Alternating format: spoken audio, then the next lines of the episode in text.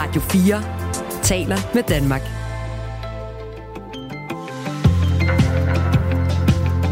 Velkommen til Radio 4 morgen.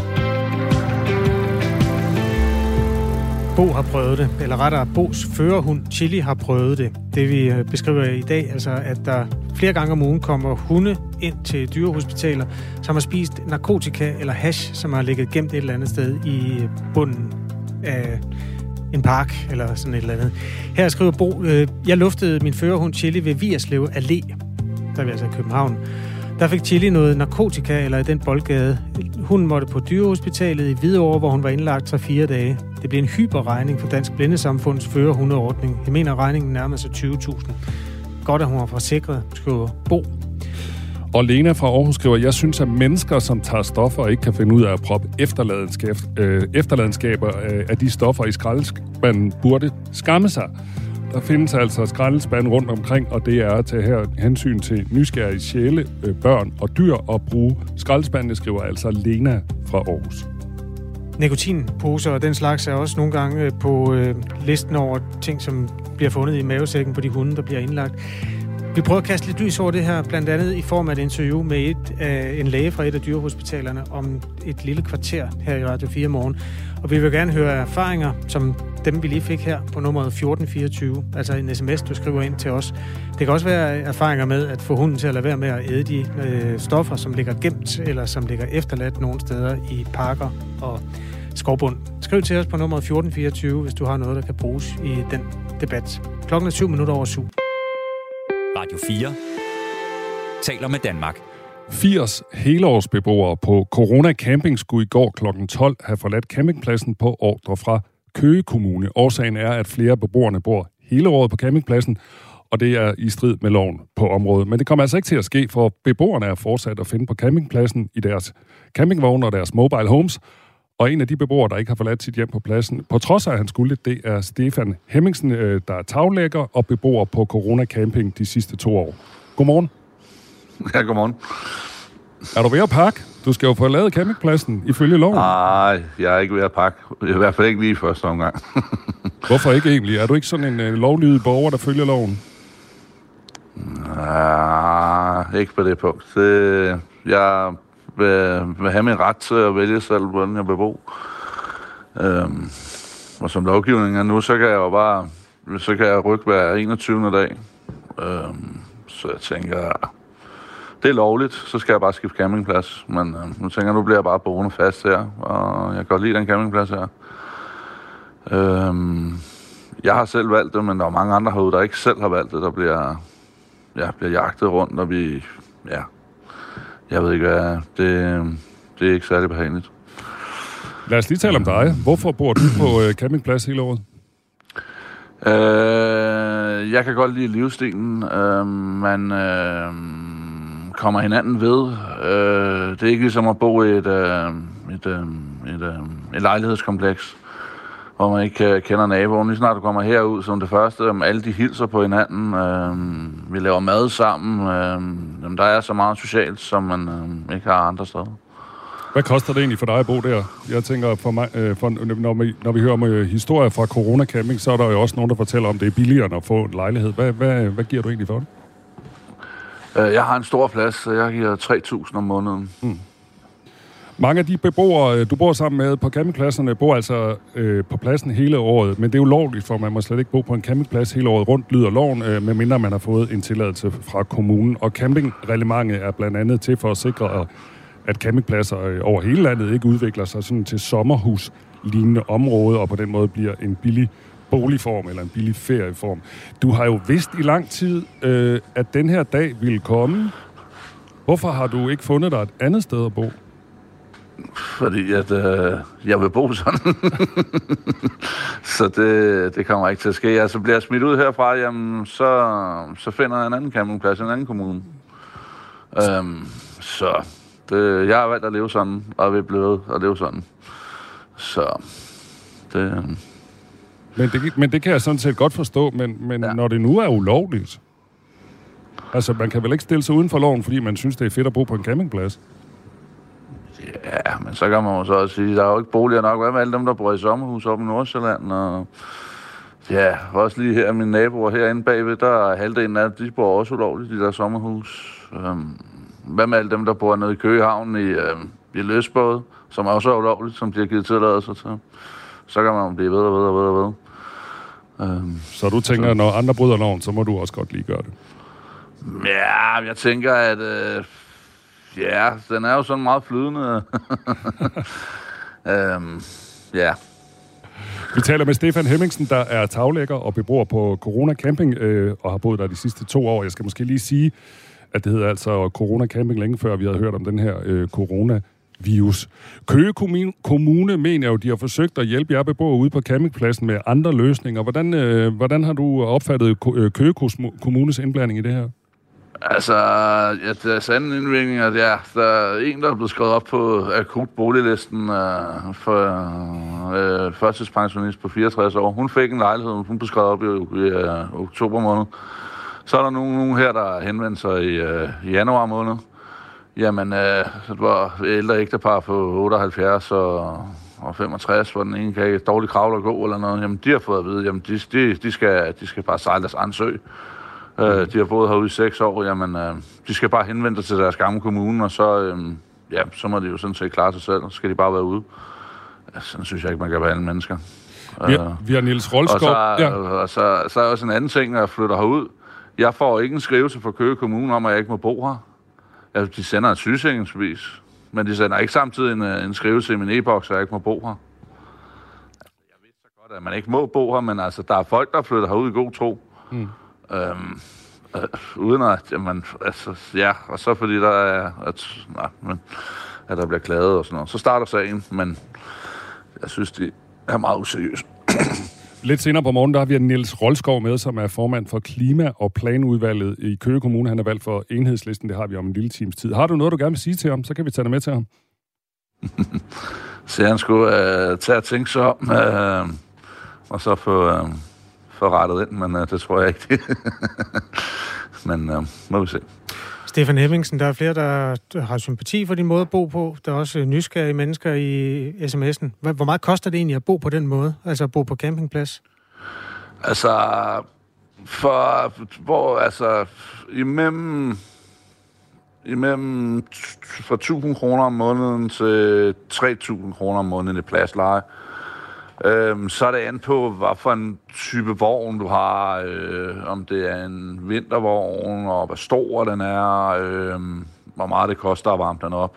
Hvor meget bruger du cirka på, på at varme op? Øh, altså i vinterhalvåret, der bruger jeg omkring 1.500 om måneden. Okay. Og så noget øh, leje af plads oveni? Ja. er det, hvad du har, så er boligudgifter i, i løbet af altså det, bliver, det lyder som om, det bliver et sted mellem 2 og 3.000 så. Og jeg har boligudgifter gennemsnitligt øh, for 3800 eller sådan noget. Okay. Men der er nogle andre herude. Altså hvis du har en, jeg har en meget stor vogn og en meget stor plads. Hvis du så vælger at få en mindre plads, og du vælger at betale halvårligt, så kan du få det herude for, for, for tror jeg, 12-1300 kroner om måneden. Okay øh, i pladsleje, og så er det så varme oveni.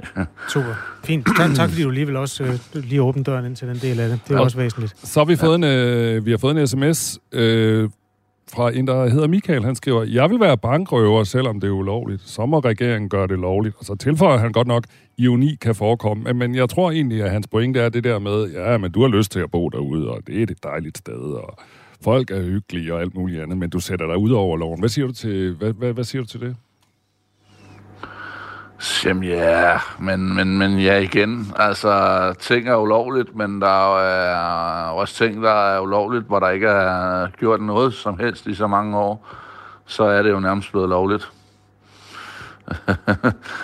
um, du tager det ja. med godt humør, kan jeg høre. Ja. Hvad, hvad, hvad tænker du så på lidt længere sigt? Fordi nu fik I at vide, at I skulle forlade campingpladsen i, mor- i går kl. 12, og der var repræsentanter fra kommunen ude og dokumentere, at I ikke øh, forlod stedet. Hvad tænker du på lidt længere sigt? Fordi det virker jo som om kommunen faktisk den her gang har besluttet sig for, at nu skal det lovligt gøres.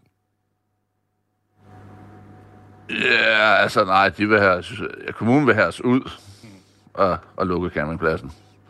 Og mindre inden for Christiansborg, at de siger, at det bliver lovligt. og så skal kommunen jo også give en tilladelse, så hvis de så er helt sort seende, så, øh, som, som det ser ud nu, så ryger den i retten. Øh, Hvad betyder det, den ryger i ret? Øh, de, øh, vi bliver, de har meldt ud af, ja, der bliver vævet frem og tilbage. øh, en- de har meldt ud, at vi bliver politianmeldt, og så har de også meldt ud, at øh, de vil tage et dialogmøde. Jeg ved ikke, øh, jeg ved ikke hvad, hvad, hvad Køge Kommune, øh, hvad de, hvad de har tænkt sig, det planudvalg der. Det spørger vi, Ja. øh, det spørger vi Niels Rolskov om, øh, når vi taler med ham fra, øh, fra planudvalget om en øh, lille times tid. Sådan her lød det altså fra Stefan Hemmingsen. Øh, tak fordi du øh, sådan gav os et indblik i, hvordan det er at bo på Corona Camping. Ja, det er bare i orden. Ha' en god dag. Enig med.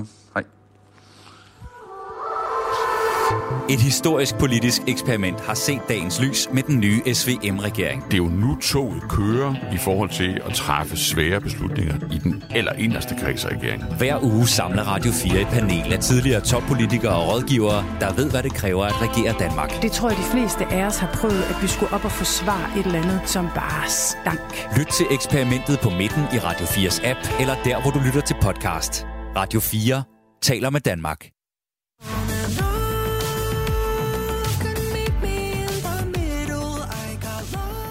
Nå, ja. Nå ja, du er med? Mm, Melodi Grand Prix. Lige præcis. Og det, Det er så mærkeligt, det der. jamen ikke det, der er hele klude. Er det ikke det, der skal forestille at være det fede? En meget uorganisk type musik, men jo, det har jeg hørt om før. Det, det er spændende, det var den der øh, at sammen, sammenbrud i øh, afstemningen. Præcis, præcis. Så vi taler faktisk stadigvæk ikke rigtigt om ham her, vinderen, eller ikke så meget, fordi det handler jo stadigvæk om, vi øh, taler om det i mandags, hvor vi talte med Erik Struve Hansen, som var programansvarlig for Melodi Grand Prix. Og det handlede selvfølgelig om, at den her app gik ned, så folk hang i timevis, og værterne måtte stå og padle, som det hedder, for at få tiden til at gå. Og nu er der altså nyt i sagen, som jeg lige vil opdatere dig på, øh, Kasper, fordi der er børnenes MGP på lørdag. Og der er spørgsmålet jo så, hvordan kommer det til at gå? Og der har man altså besluttet sig for, at den der app, den er droppet. Hvordan stemmer man så? Så stemmer du altså kun øh, via sms'er, fordi at de tør ikke rigtig stole på den. Øh, underdirektør i DR Teknologi, Ejno Olsen, øh, kalder problemerne, for, der var i lørdags, for helt uacceptabelt, og hun siger, vi havde i lørdags et helt uacceptabelt nedbrud på den app, vi har købt ekstern. Vi har afventet en redegørelse fra leverandøren, den er nu kommet, og nedbruddet skyldtes en teknisk fejl hos leverandøren. Den fejl er ifølge leverandøren udbedret, men, men vi har ikke haft tilstrækkelig tid til at kunne teste systemet, så vi kan have tillid til, at fejlen er udbedret, og appen er klar til børnenes MGP. Og derfor så bliver der taget forholdsregler i forhold til driftssikkerhed ved afstemningen på lørdag, siger hun. Og det betyder altså, at man skal stemme per sms, og ikke den her app, for de, de, vil til sydenladende ikke hos DR endnu en gang opleve, at øh, der går knuder og kluder i det.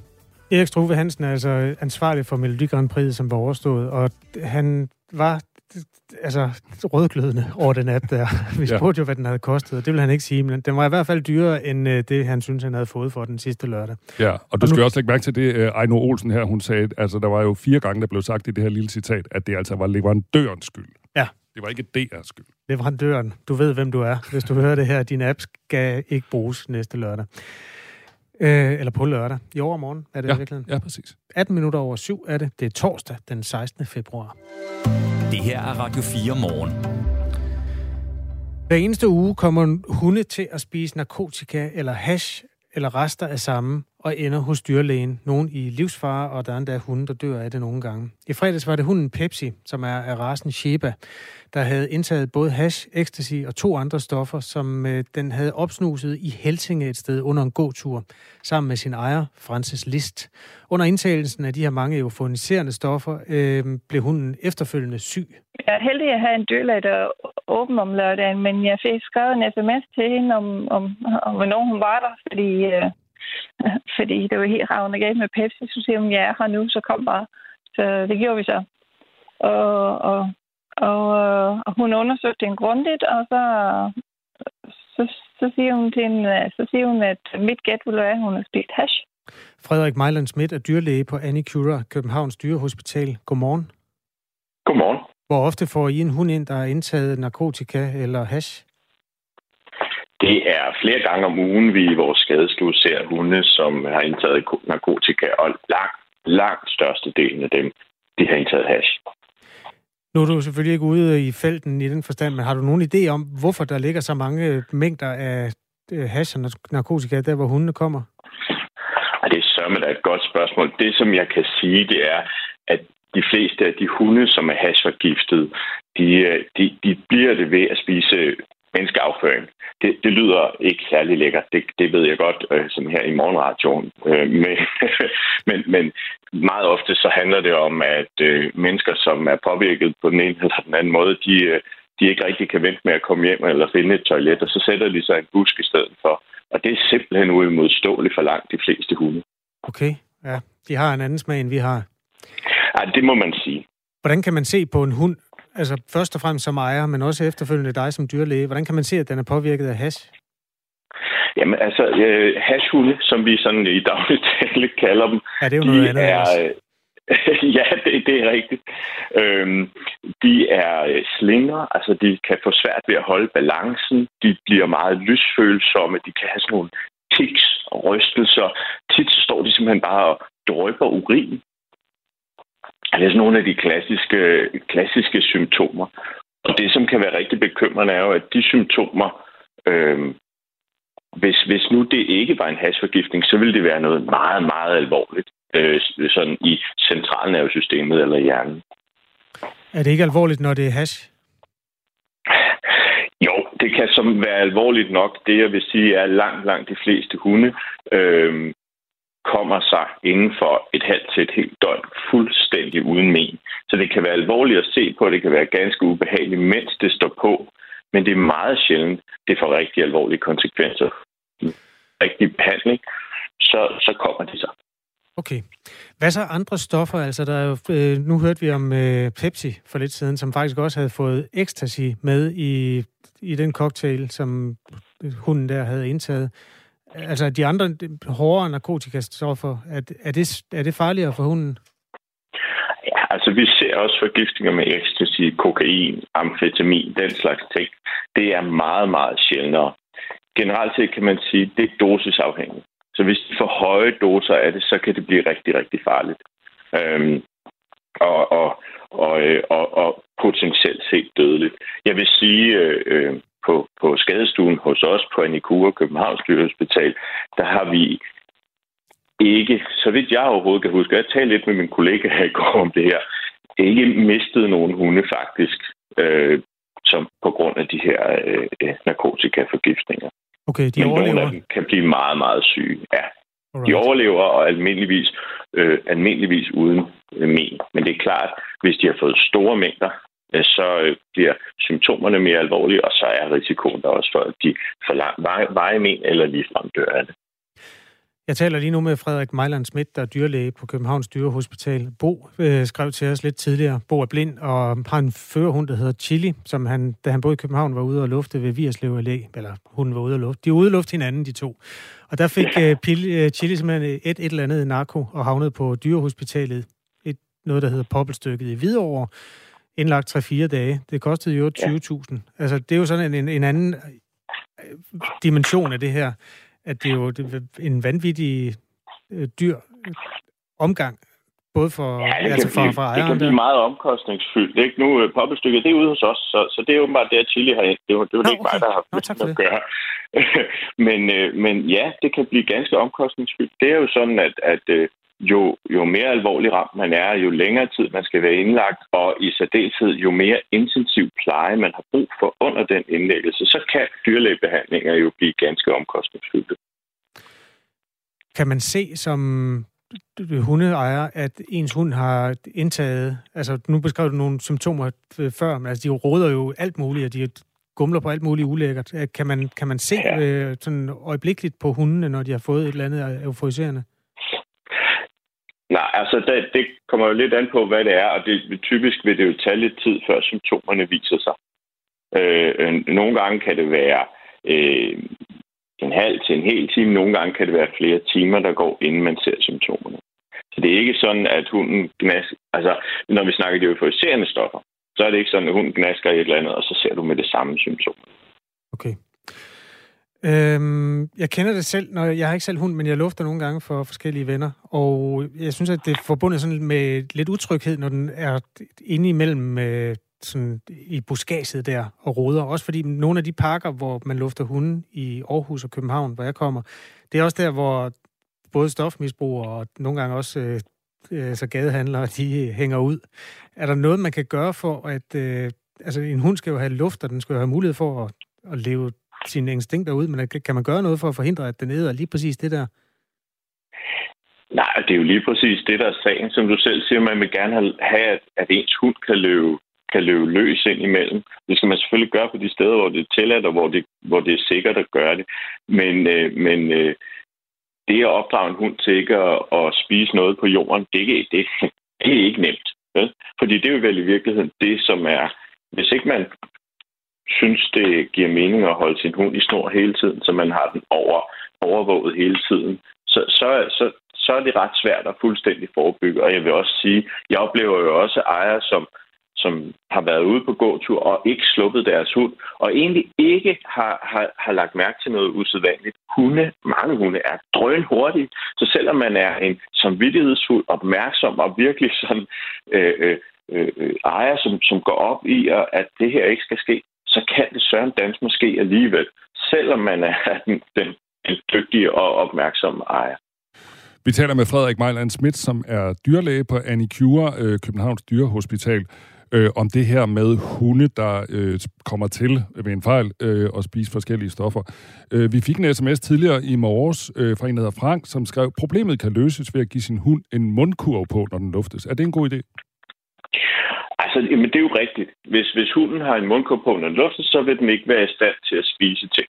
Og, og det er jo en løsning. Der findes forskellige øh, udgaver af mundkurve. Øh, typisk vil det være de her sådan tråd, mund, trådnet mundkurve, ikke? så hunden stadig kan åbne munden og kan, kan halse og kan, kan, kan, kan trække vejret.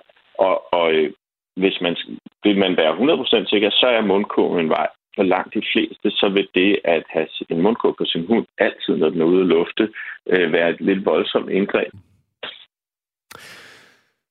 Godt. Øh, tak fordi du vil svare på vores spørgsmål, Frederik Mejland Schmidt. Det var virkelig ulækkert, det du fortalte med menneskelort, øh, som hundene som spiser. Ja, det beklager jeg. ja, men øh, det er ligesom et billede, der bliver stående, men det er altså en del af problematikken her, at det ikke bare klumper af hash, det er simpelthen bare hash og stoffer, der har været igennem et menneske nogle gange, som hunden hedder. Ja, det er det altså. God dag. I lige måde. Dyrlæge på Anicura Københavns Dyrehospital, Frederik Mejland Schmidt. Du øh, må meget gerne skrive til os, hvis du har erfaringer med det her. Også særligt, hvis det er erfaringer, der kan løse det på en eller anden måde. Altså, hvordan man kan lade en hund komme rundt og røre sig, uden at den rører ved de der helt gustne ting, som vi lige har beskrevet her.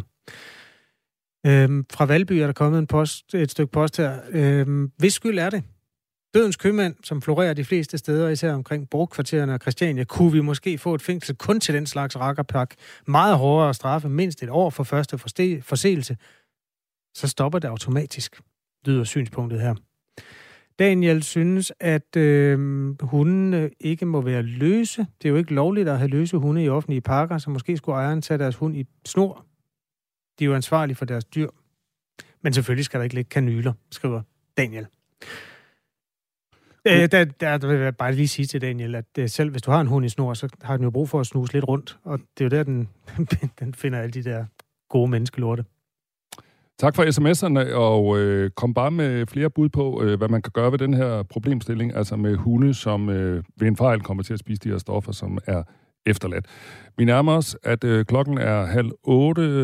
Øh, Kasper, lad os lige gøre lidt reklame for, hvad vi øh, har i den næste halve time. Der skal vi blandt andet tale om det her med, at mænd sjældent har nogen at betro sig til, øh, hvis der sker nogle begivenheder i deres liv. Øh, der er en ny undersøgelse, der viser, at, at hver femte mand i aldersgruppen øh, 25 til 39 år simpelthen ikke har en fortrolig. Det taler vi med Svend O. Madsen om, som er formand for Forum for Mænds Sundhed, og så er han jo også chefpsykolog og forskningsleder på Rigshospitalet. Hvad det betyder, og så taler vi også med en, øh, en der har prøvet det her, øh, og gå ned med stress, gjorde han. Det er en, der hedder Carsten Jersen. Øh, han gik ned med stress for otte år siden, og der oplevede han netop det her med, at han havde ikke rigtig nogen at tale med om. Det er en interessant historie, som øh, I kan høre, når vi er tilbage efter nyhederne. Som jo måske er en mandehistorie, både fordi mænd har netværk på andre måder end kvinder har, og måske fordi mænd er dårligere til at tale med hinanden om det, der banker på. I hvert fald hver femte øjensynligt. Vi prøver at belyse den fra flere kanter om cirka et kvarter her i radioen klokken halv otte. Nu er der nyheder på Radio 4. De danske teleselskaber har nu mulighed for at blokere ondartede hjemmesider med henblik på at beskytte borgerne ved brug af såkaldt DNS-blokering. Sikkerhedsfiltre skal beskytte mod phishing, som er en form for internetsvindel, hvor svindler i en mail eller sms forsøger at få en til at trykke på et link til en hjemmeside, som udgiver sig for at være eksempelvis en myndighed.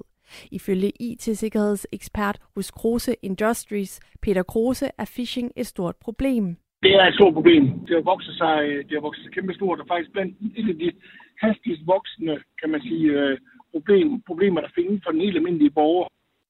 Telenor lancerer som frontløber sit eget filter med navnet SigaSurf, og det skal fra marts blokere hjemmesider med virus og phishing hos alle Telenors mobil- og dataabonnementskunder. Vi har en, øh, vi har et stor mulighed og en stor ansvar for at øh, gøre tingene på en, en god og sikker måde. Især i Telenor har vi sat os for, at vi vil give friheden til at opleve og trygheden til at ture. Og det indebærer, at vi laver en række tiltag for at sikre et, øh, et trygt digitalt liv. Og der er Sikker Surf det sidste øh, af disse tiltag, hvor vi kan gå ind præventivt og forebygge, at øh, vores kunder bliver udsat for, for svindel og, og, og humbug. Det siger Christian Hoffmann, som er direktør for privatmarkedet i Telenor. Og muligheden den kommer ifølge en pressemeddelelse fra teleselskabernes brancheforening, brancheforeningen Teleindustrien på baggrund af et samarbejde mellem dem og Styrelsen for Dataforsyning og Infrastruktur samt Center for Cybersikkerhed. Danmark skal hjælpe Indien med at rense Gangesfloden. Det er Indiens premierminister Narendra Modi og minister for udviklingssamarbejde og global klimapolitik Dan Jørgensen blevet enige om. Ganges er en flod med meget stor betydning for Indien, både religiøs og praktisk, fordi den leverer vand til mange indere. Derfor er det også meget alvorligt, at den er så forurenet, som den er, en af de mest forurenede i verden, og derfor vil vi gerne hjælpe med at rense, rense den, siger Dan Jørgensen. Fra 16.846 til 7.846. Så meget er antallet af dagplejere formindsket på 12 år. Det viser tal, Fagbladet FOA har trukket ved kommunernes og regionernes løndatakontor for henholdsvis november 2010 og for november 2012. Det er en nedgang på 9.000 dagplejere, svarende til 53,4 procent. Og det er en tendens, der er behov for at blive stoppet, mener sektorformand i den pædagogiske sektor i FOA, Kim Henriksen. For nogle børn er det en fordel at være en del af en lille børnegruppe, som det er i dagplejen, og derfor skal dagplejen være langt mere udbredt, end den er i dag. Vi ved, at forældrene faktisk er rigtig glade for dagplejen, og det mener vi, at kommunerne burde handle meget mere på, end de gør i dag, siger han til Fagbladet FOA. Spørger man Signe Nielsen, der er formand for Forældrenes Landsorganisation FOLA, er hun enig. Det er forældrenes frie valg, det handler om, siger hun. Machu Picchu åbner igen for turister, efter at Inka-byen har været midlertidigt lukket som følge af politisk uro i Peru. 418 turister blev i slutningen af januar reddet ud af byen, efter at en vandrerute dertil blev lukket. Protesterne i landet er affødt af afsættelsen og fængslingen af den tidligere præsident Pedro Castillo i december. Selvom protester og vejblokader i landet fortsætter, har det været relativt roligt de seneste dage. Genåbningen af Machu Picchu kommer efter en aftale indgået mellem turistvirksomheder, myndigheder og lokale ledere, som garanterer for sikkerheden og muligheden for transport til området. Der bliver skyet og stedvis tåget, og i de østlige egne lidt regn. Temperaturen bliver mellem 5 og 7 grader, og der kommer en svag til jævn sydvestlig vind. I aften der bliver det skyet, men tørt vejr, men sidst på natten kan der komme lidt regn, og der kommer en svag til jævn sydlig vind. Og det her, det var nyhederne på Radio 4 med Malu Freimann. Du lytter til Radio 4 morgen. Husk, du kan skrive en sms til os på 1424. Godmorgen. Fem gange så mange grønlandske børn som danske børn bliver anbragt uden for hjemmet her til lands. Det kan blandt andet skyldes, at der er store forskelle i, hvor gode danske kommuner er til at tage højde for sprog- og kulturforskelle i anbringelsessagerne her. Det mener i hvert fald Jeppe Bylov Sørensen. Han er afdelingsleder i en forening, der hedder Grønlandske Børn, og han vil have lovgivningen ændret, så kommunerne fremadrettet skal tvinges til at tage sprog- og kulturhensyn i de her anbringelsessager. I vores forening igennem efterhånden rimelig mange år har en som siger, erfaring med, at det er meget tilfældigt, hvordan at øh, de her sager de bliver behandlet i, i de forskellige kommuner. Men øh, vi synes, der er mange gode grunde til, at man skal tage nogle, nogle hensyn og, og interessere sig for, hvad det er for en kulturel baggrund, at, øh, at de grønlandske familier kommer med. Det, der synspunktet er her, altså at de sager og de forløb, dialogforløb, som er mellem kommunen og forældrene, ofte eller oftere går galt, fordi der er en sprog- eller kulturbarriere. Og det er altså der, hvor han synes, at kommunen og dermed altså Danmark skal påtage sig et større ansvar. Camilla Fabricius er socialordfører hos Socialdemokratiet, og med os nu. Godmorgen. Godmorgen. Kan man gøre noget ved det? Altså, det er i hvert fald en øh, opgave, vi skal have løst, fordi vi er nødt til at sikre, at børn har det bedst mulige udgangspunkt i deres liv som overhovedet muligt. Så hvis sprogbarriere er en del af det, så må vi jo se på, hvad er det så, der skal til. Han efterlyser en, en ny lovgivning på området. Er du enig i, at det kunne løse det?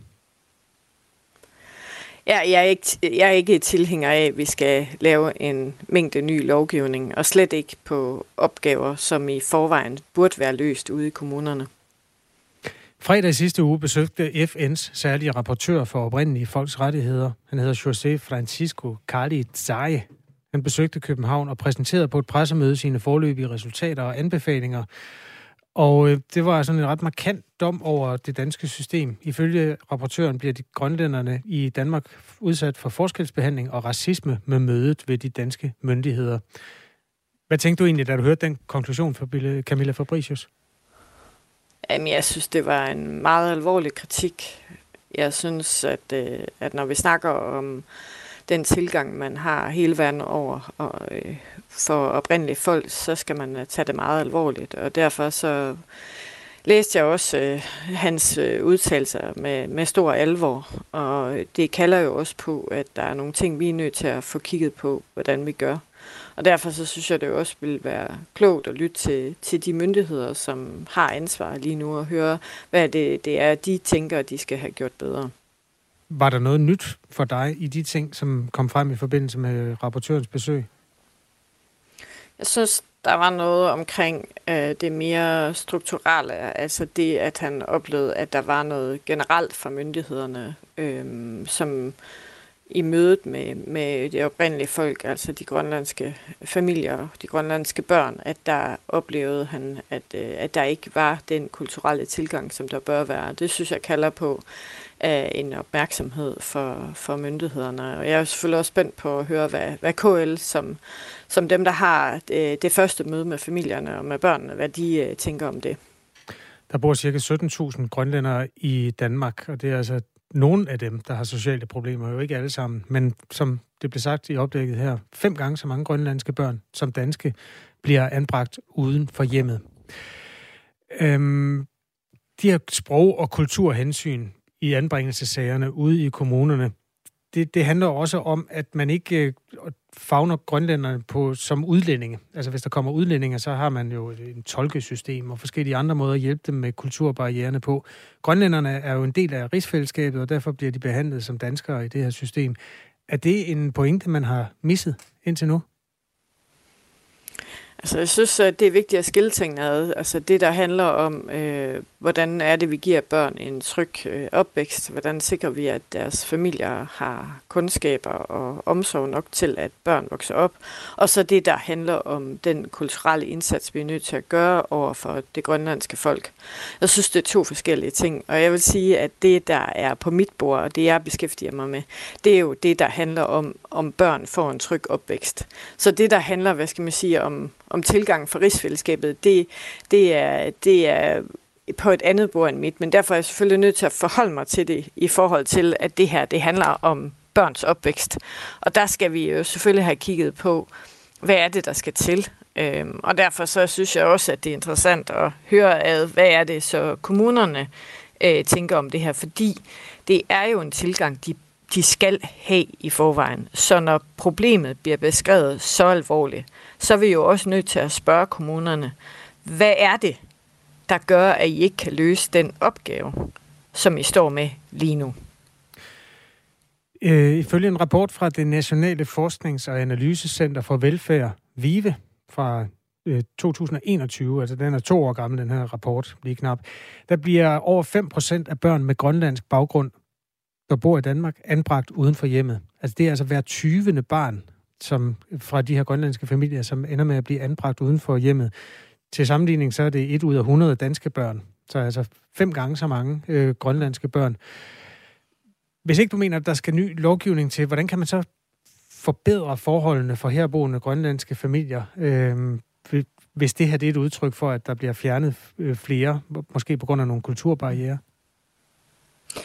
Altså, jeg synes, det er vigtigt igen, som jeg sagde før, at skældne. Øhm, så præmissen om, om, om det er de rigtige børn, vi øh, anbringer, synes jeg jo er væsentligt at bringe frem. Og derfor så arbejder vi også lige nu med ny lovgivning på det, der hedder Børn er fast øh, Barnets Lov, som er den store aftale, vi fik lavet i sidste regeringsperiode for at sikre, at udsatte børn får et bedst muligt udgangspunkt. Og det første trin der er at få lavet en ny lovgivning, der sikrer, at man for eksempel har to sagsbehandlere på særligt svære sager. Og spørgsmålet er i virkeligheden, hvad er det så, der skal til for, at, øh, at øh, de grønland, det grønlandske folk, altså vores oprindelige folk her, øh, at de får den, øh, bliver mødt med den tilgang, som er nødvendig. Det synes jeg vil være naturligt, at man lægger ind over øh, det, det kommende arbejde. Men jeg er også nødt til at fastholde, at det er kommunernes ansvar. Det er dem, der har den primære kontakt til familierne. Det er dem, der har den første kontakt i forhold til anbringelsesager. Og derfor er vi også nødt til at, at spørge dem om, hvad er det så, der skal til for, at de kan løse opgaven, som de har i forvejen. Og jeg synes jo også, det er bekymrende, at man har en, en FN-observatør, øh, der går ind og præciserer det her, og at det ikke er noget, vi har hørt fra kommunerne selv. Øhm, og der er der jo selvfølgelig noget, øhm, vi er nødt til at have en dialog om, for det er jo ikke godt nok. Nogen øh, kunne finde på i den her debat og ytre, det har jeg set tidligere på morgenen, at øh, hvis man som grønlænder øh, flytter ind på dansk jord, øh, så er man også øh, forpligtet til at indfinde sig efter nogle øh, sådan danske omgangsregler. Den øh, pointe holdt jeg op mod Jeppe Bylov Sørensen, som altså er fra Foreningen Grønlandske Børn, og øh, han mener, at når vi her i Danmark har et særligt ansvar, så handler det også om forhistorien, altså i forhold til den grønlandske minoritet. Jamen, vi har brug for, at, øh, at kommunerne bliver gjort opmærksom på, eller får en, en tydelig instruks på, hvordan man kan øh, samarbejde med de her familier. Og det kræver for eksempel, at man har en større interesse for, hvad de kommer fra, hvad det er for en historik, de har. Så en meget tydeligere kommunikation og så simpelthen en accept af, at de her børn, som det jo i bund og grund handler om, kommer fra en tokulturel virkelighed, hvis de bor i, i Danmark.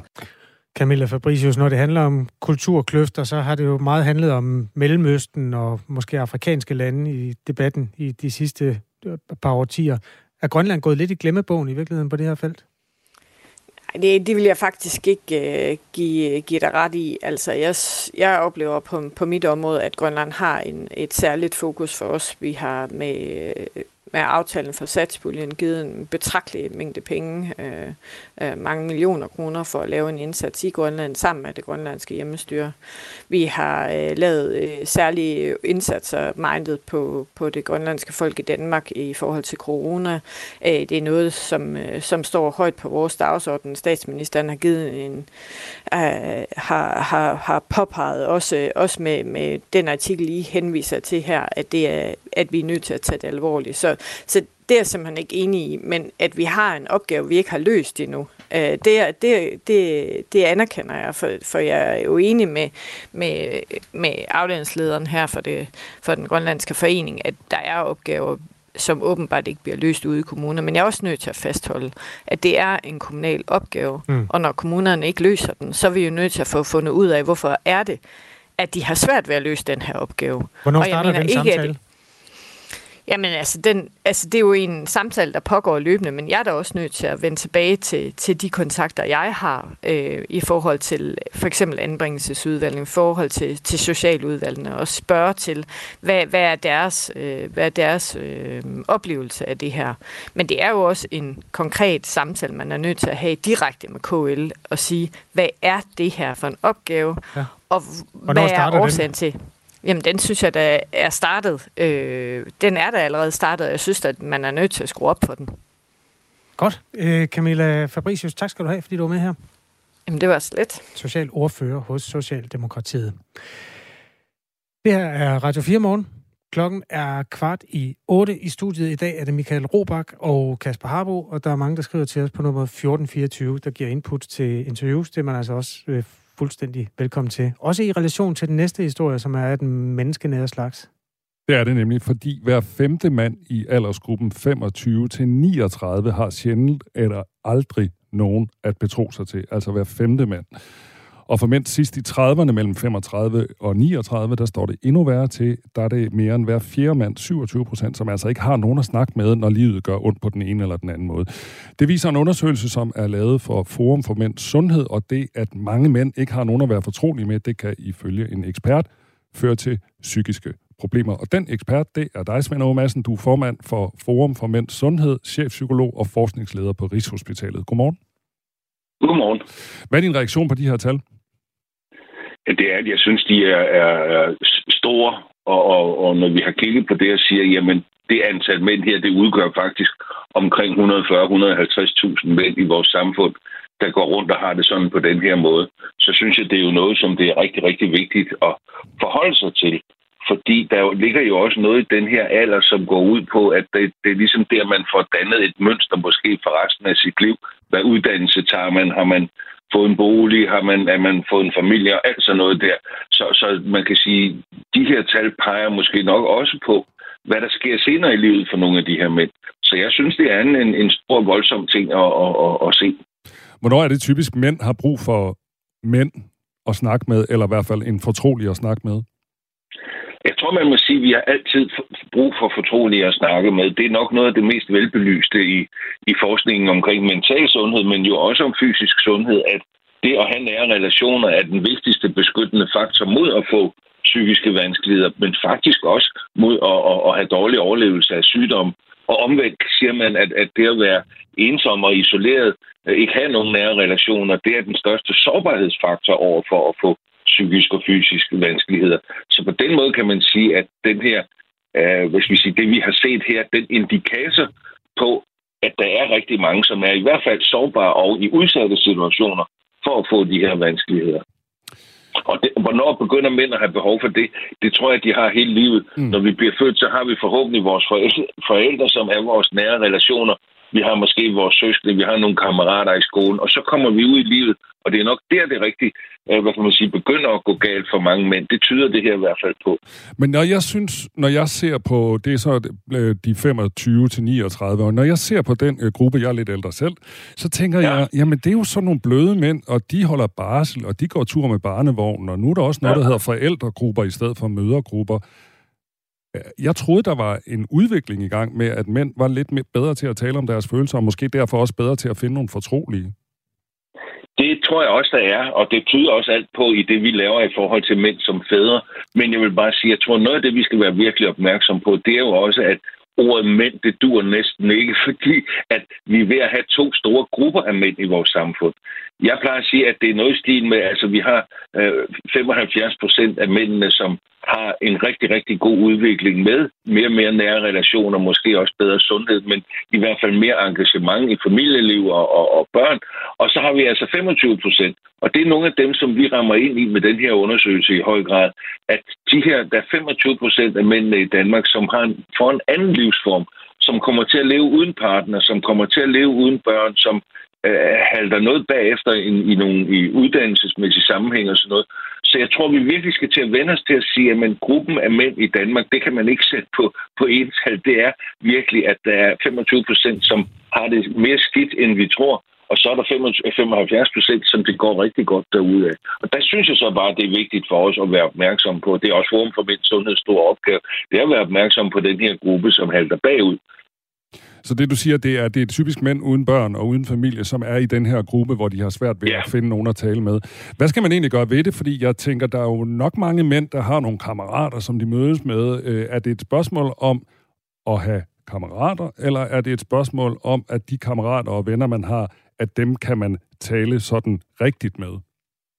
Altså det ser ud til, at når de her mænd selv svarer, jeg har ingen eller næsten aldrig nogen at tale fortroligt med. Så kan det jo godt være, at mange af dem har en, en omgangskreds, hvor de snakker med mange, men man skal og, og, og jeg vil også sige, at vejen til at få nære relationer er jo at have kammerater. Og blandt kammeraterne er der så nogen, der bliver nære relationer. Men jeg tror bare, vi skal også være opmærksom på, at der er rigtig mange mænd, som ikke har så mange, de omgås. Mm. Som er måske enten i et arbejde, hvor de ikke er på en arbejdsplads, men kører rundt på en cykel og afleverer varer eller noget i den stil.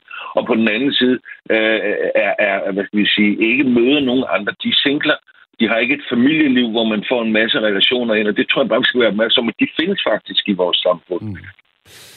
Hvad skal vi egentlig gøre ved det? Altså, hvad er løsningen på det her? For det er jo ikke godt, hvis der er 25 procent af, af mænd i den her aldersgruppe, som sådan set ikke rigtig har nogen at tale med, med de store ting, eller de svære ting i livet med. Hvad, hvad, hvad skal vi gøre ved det, Svend Madsen? Altså, jeg tror, det der med ligesom at sige, at Altså for det første, så er der noget, nogle store strukturelle ting, som, som det er meget omfattende at komme ind på. Men når vi taler sådan i det, i det sådan mere her kortsigtet, så er det at sige, hvordan kan vi finde og udvikle fællesskaber, som mænd gerne vil gå ind i, og som de synes, det passer eller er interessant at gå ind i. Fordi jeg tror netop det, som jeg sagde før med at sige, vejen til nære relationer er først at have nogle kammerater. Og, og det at gå fra kammeratskab, det, eller det at få kammerater, er mænd ikke så gode til, medmindre det er på en arbejdsplads eller uddannelsessted, hvor de kommer, og de bare er der. Derfor har vi i Forum for Mænds Sundhed arbejdet meget med det som ofte for en lidt ældre aldersgruppe, men det er en model med at arbejde med, at, at noget vi kalder mænds mødesteder. Altså det der med at sige, her kan du lave noget spændende sammen med andre mænd.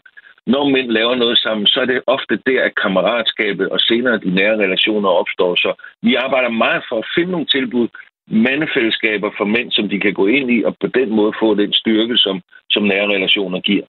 Tak til dig, Svend Aage Madsen, formand for Forum for Mænds Sundhed og chefpsykolog på Rigshospitalet. Og nu kan vi byde velkommen til dig, Carsten Jersen. Tak for det. Du er 46 år, du har tidligere arbejdet som flykaptajn, og for 8 år siden gik du ned med stress, og derfor så flyver du ikke længere. Og da du gik ned med stress, der oplevede du, at du ikke rigtig havde nogen at betro dig til. Hvordan oplevede du det? Jamen, jeg oplevede, det var, det var svært at åbne sig om den, øh, den sårbarhed, som, som jeg følte, der lå i det. Altså, jeg var jo godt gift, og er det stadig, øh, og havde jo selvfølgelig en, en, en mulighed for at dele øh, med, med min kone, men øh, der var jo også en begrænsning der i forhold til ikke at, at føle, at jeg gjorde mig, øh, hvad skal jeg sige, for sårbar i, i, i vores øh, parforhold, og hun nærmest blev en, en, en støttekontakt øh, for mig. Så øh, jeg havde også, øh, som Svend var inde på, øh, egentlig et, et, et rimelig fornuftigt omgangskreds, øh, men øh, der var ikke rigtig øh, grundlag for nødvendigvis at, at tage de dybe snakke. Så, så, så jeg synes, det var svært. Så du havde venner, det var ikke sådan, du på den måde følte dig ensom. Det, det var simpelthen, I var ikke vant til i din bekendtskabskreds at, tale om ting, der var så svære som det, du oplevede, da du gik ned med stress. Øh, ja, det, det, det, var min, øh, det var min fornemmelse, og, og øh, jeg var jo egentlig i udgangsalder, jeg havde et ønske om at være åben om det, men, men jeg kunne godt mærke, at mange øh, havde svært ved at, at være i, at jeg så faktisk var åben om det. Mm. Så, så, så jeg tror, det har rigtig meget at gøre med, med de rammer, vi mødes, øh, mødes i. Hvilke konsekvenser fik det for dig dengang, at du sådan gik alene med det? Altså udover at du selvfølgelig, som du siger, kunne tale med din kone, men ellers sådan var alene om det? Jamen, det gjorde jo, at jeg, jeg, jeg begyndte jo at fundere lidt over, hvor, hvordan det kunne være, og, og, og det har jo så endt op med, at jeg har, jeg har jo truffet Svend Aage Madsen siden, og har, har faktisk øh, stået bag opstarten af, af en forening i Nordjylland, som, som henvender sig til, til netop sårbare voksne generelt, men, men hvor vi faktisk har en, en, en øh, lokal afdeling, eller regional afdeling af mænds mødesteder, som Svend Aage taler om, mm. hvor, øh, hvor vi netop mødes omkring... Øh, øh, uforpligtende interessefællesskaber øh, i naturen, og, øh, og ud af dem, der kan vi jo tydeligt se, at, at, at flere deltagerne faktisk finder sammen i, i, øh, i gode, nære relationer efterfølgende. Ja, du var nemlig med til at stifte en forening, der hedder Jordforbindelsen, som øh, hjælper sårbare mennesker. Prøv lige, lad os lige blive lige et kort øjeblik mere ved din egen situation. Hvad gjorde ja. du så, altså, hvis, hvis du manglede den her gode ven at tale med? Jamen, det, det var jo egentlig, at, at jeg, jeg, jeg fortsatte jo med bare at, og, øh, at være åben omkring, når folk spurgte, hvad, hvad jeg lavede, eller øh, når jeg snart skulle tilbage på arbejde osv. Og, og, og det gjorde, at der gradvist var en, en øh, knap så stor berøringsangst for at, at tale om tingene. Øh, så så det, det var jo noget, der, der stille og roligt udviklede sig, men det tog tid i, i, i den gruppe, og, og det gør jo, at, at rollerne i, i sådan en gruppe, de, de forandres jo lidt, at man pludselig er i en, i en langt mere sårbar situation end, end, end tidligere, hvor man måske hellere har været en, en, en ressourceperson i, i sådan en gruppe. Hvordan oplevede, hvordan oplevede du din, dine kammerater, at du lige pludselig insisterede på, at du gerne vil tale om dine følelser, og hvordan du havde dem? Nej, men altså i udgangspunktet fra starten, så er det jo sådan lidt med, at, at øh, ja, øh, i den lokale fodboldklub, jamen så, så skal det løbes væk, eller, eller jamen, vi, kan, vi kan lige tage en øl bagefter, eller noget. Og, og, det, og det tror jeg er den naturlige måde for mange mænd egentlig at, at reagere på, når der kommer noget, som man, man kan have lidt berøringsangst overfor. Mm. Men, men, men det, det kom stille og roligt, og det gjorde faktisk, at der var andre, som, som efterfølgende også blev mere åbne omkring, at de måske også havde nogle vanskelige perioder en gang imellem, øh, hvor jeg i hvert fald har talt øh, en til en med, med flere af dem, fordi de kom til mig. Så, så, så det var tydeligt, at det ligesom satte et, et, øh, et skred i gang i forhold til, hvad der var øh, lovligt, om jeg så må sige, at tale om i omklædningsrummet for eksempel. Mm. Og så stiftede du den her forening, Jordforbindelsen, som hjælper sårbare mennesker. Hvad fik du egentlig ud af det? Jamen, der fik jeg jo det ud af det, at, at jeg kunne se, at jeg igen var blevet en ressourceperson, i og med, at jeg kunne i tale sætte min egen øh, sårbarhed, mine egne øh, problemstillinger og erfaringer. Lige pludselig så var der folk, som kunne øh, gøre gavn af, eller øh, altså få gavn af, af de erfaringer, øh, og, og ikke mindst, at man ser, jamen man er faktisk ikke alene om det. Man får en, en, et lidt andet perspektiv på det, fordi man, som Svend også er inde på, man, man kan have tendens til at isolere sig, øh, hvis ikke man allerede er isoleret. Øh, og, øh, og, og så sidder man måske bare med alle de her glansbilleder fra de sociale medier og føler sig endnu mere elendig. Så, så det, at man får den her øh, sparring med ligesindede, øh, gør, at der, der kommer nogle helt andre perspektiver på. Og du har været øh, flykaptajn. Det er jo sådan en rigtig mandejob, tænker jeg. Øh, giver det nogle point, at sådan en, en som dig også øh, vil tale om følelser og tale om ting, der er svære? Ja, det tror jeg måske nok, det kan gøre i, for nogen, at, at, øh, at det bliver legitimt, uanset hvad man har af baggrund, og, og stå ved, at, at man kan have det svært. Øh, det, det, det har jeg da hørt eksempler på, at, at folk har, har kommet til os, fordi de faktisk var, øh, altså var interesseret i, hvad, hvordan jeg var kommet videre. Mm. Hvad vil du sige til de mænd, der måtte sidde og høre Radio 4 her til morgen, og faktisk øh, føler sig ensomme, eller ikke føler, at de har nogen at betro sig til? Hvad, hvad er det gode råd? Jamen, der vil jeg jo sige, at, at, at mænds mødesteder er jo et rigtig godt øh, udgangspunkt for, øh, for interessefællesskaber. Øh, og, og altså søg ud, find nogle, øh, find nogle ligesindede. Øh, det kan være svært øh, måske at, at finde ud af, men øh, for os der fungerer det med, med naturen eller, eller håndværk eller så videre, og, og, og, og mødes om det, og, øh, og, og, og dyrke de interesser, man har, fordi så, så kommer de, de vanskelige samtaler helt af sig selv, når når, øh, når man føler sig klar til det. Så lød det fra Carsten Jersen. Tak fordi du var med her og ville fortælle øh, dele af din historie. Ja, selv tak. Og jeg vil sige, hvis man nu er interesseret i det her mænds mødesteder, så er det simpelthen bare at gå ind på Google og skrive mænds mødesteder, så er første hit netop mænds mødesteder. Radio 4 taler med Danmark. Husker du øh, prins Harrys halskæde? Nej, den husker jeg simpelthen ikke. Nå, jeg skulle lige til at sige, her er den i dag øh, men det var nu også i går. Øh, sagen er den, at prins Harry øh, har jo en bror, der hedder prins William. Ja. Og øh, de var oppe og slås på et tidspunkt. Det var måske den mest omtalte historie fra prins Harrys øh, seneste bog. Yes, det kan jeg godt huske. Som også var hans første bog. Nå, men han har været en tur i The Late Show i New York hos uh, Stephen Colbert. Mm. Et af de gode uh, talkshows, hvor folk virkelig taler ud. Og uh, der viste han faktisk uh, bemeldte halskæde frem. Jeg kunne godt tænke mig at spille en lille smule Harry og Stephen. The fracture of the relationship between me and my brother has, always, has, has very much been pinned on my wife, um, funnily enough. There's a lot of talk about the physical fight yeah. that the two of you had, where he pushed you down in the kitchen and, and broke the, the dog bowl when you fell on it. Um, it says it broke your necklace. Mm-hmm. What necklace was this that he broke? Uh, this one, which is now fixed and now it's got. And what's on there? What got there? We got um, my kids' heartbeats, which my wife gave me. Oh, the cardiogram yeah. engraved there. Yeah. yeah. And, what's the central And then a friend of mine in Botswana made this for me, which has got tigers ja, det er en af hans venner i Botswana, der havde lavet den der fine... Men det, den gode nyhed er, altså, øh, husker du den ødelagte halskæde? Den er fikset. Ja, og, jeg, mm, ja, og det var noget med hans børns et eller andet, det forstod jeg ikke helt. Ja, det var sådan nogle øh, kardiogrammer. Altså oh, sådan det var det, det var? Ja. Sådan nogle hjerterytmer? Ja, lige præcis. Okay. Så man kunne se, at... Ja. Som den var ligesom var smedet sammen af? Ja, der, der, der hang en masse... Ven, fra hans ven i Botswana. Ja, der hang en masse pangel på den der, så det er jo ikke mærkeligt, at det, at det var en, øh, en halskæde, der betød meget for ham. Den var nu lavet. Han sagde så også, at forholdet til broren, det var stadig i stykker. Men det er så øh, knap så overraskende, kan man sige.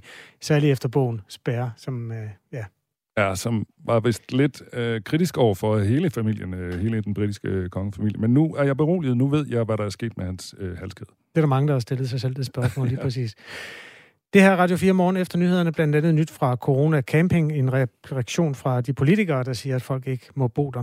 Øh, Malou Freimann får ordet nu, fordi klokken er 8.